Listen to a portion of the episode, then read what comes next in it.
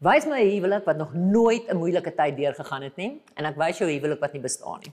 Kyk, daar's mos 'n mooi gesegde wat sê dat ehm um, die gras is altyd groener aan die ander kant van die draad, maar ek vermoed dis omdat daar dalk bietjie meer poef daai kant lê. Of ons kan ook sê die enigste gras wat altyd groen is, is fake gras, kunsgras. Verstaan? So alle huwelike gaan deur moeilike tye. En nee, nou praat ek nie van ons het beklei en weet jy wat ons is nou bietjie kwaad vir mekaar en so meer nie. Ek praat van genuine moeilike goeders waardeur party huwelike moet werk.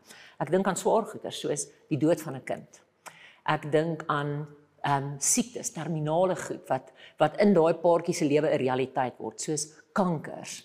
Ek dink aan aan aan groot skuwe waar ons uit ons geliefde dorp uittrek of of ons emigreer en ons los ons hele familie en so meer, los ons hier eenkant. Ek ek dink aan aan goeders wat dalk naby is in in 'n finansiële, jy weet die ekonomie, ag vir hoeveel jaar al gaan die ekonomie van die wêreld half net agteruit en alles raak net swaarder. So aan mense wat werkloos is, 'n koppel wat in hulle huwelik sit met werkloosheid of wat wat sukkel met 'n sekwestrasie of ag julle ek kan eintlik nou so lank lys voorbeelde noem.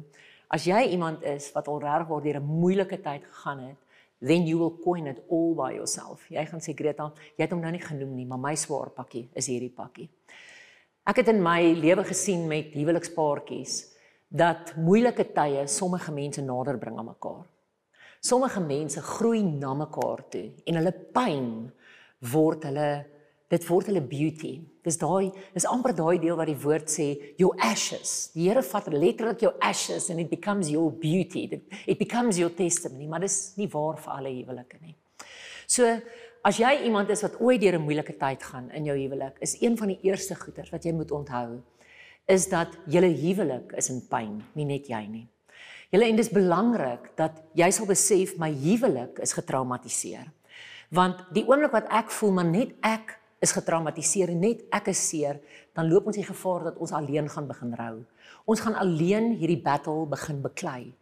En weer dan wat gebeur in huwelike? Die oomblik wat ek my rou of my trauma, my seer, die gat waarin ek is, wanneer ek dit alleen probeer hanteer, dan staan jy buite kan die gat. Jy staan 'n end weg van my trauma af.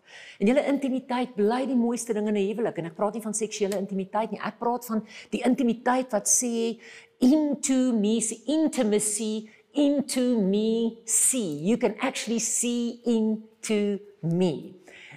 en daarom is dit so belangrik dat koppels moet leer om saam te rou. So stap 1 is om te weet die rou of die trauma is nie net myne nie, my huwelik gaan deur dit. Die volgende ding is om te verstaan dat die gevaarlike punt waarby koppels kom is dat wanneer hulle apart begin rou of apart deur moeilike goeters gaan, dan begin hulle dan hou hulle op om met mekaar te praat.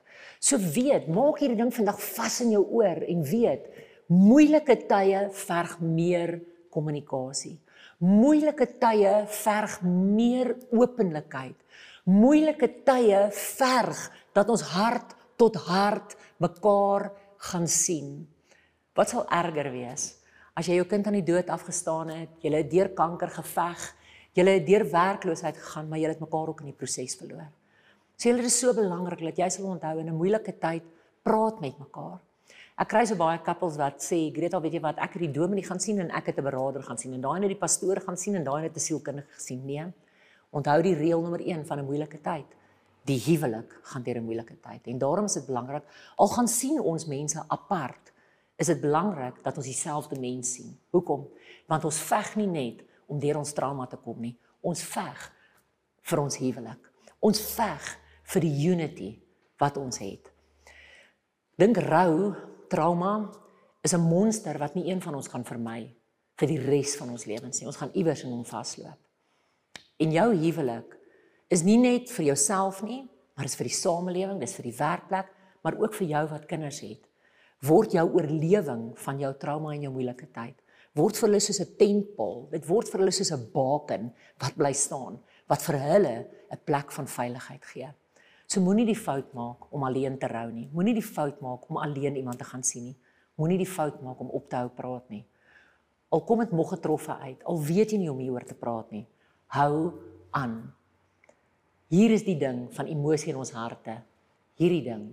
Hierdie mond van ons word die trompet waardeur ons emosie geblaas word So solank as wat jy praat, maak jy hierdie deel skoon. Vir jou wat deur 'n moeilike tyd gaan, mag jy op 'n dag terugkyk en sê Greta, my huwelik, my huwelik het deur 'n verskriklike storm gegaan. Die Here was getrou, maar ons het saam bly bou.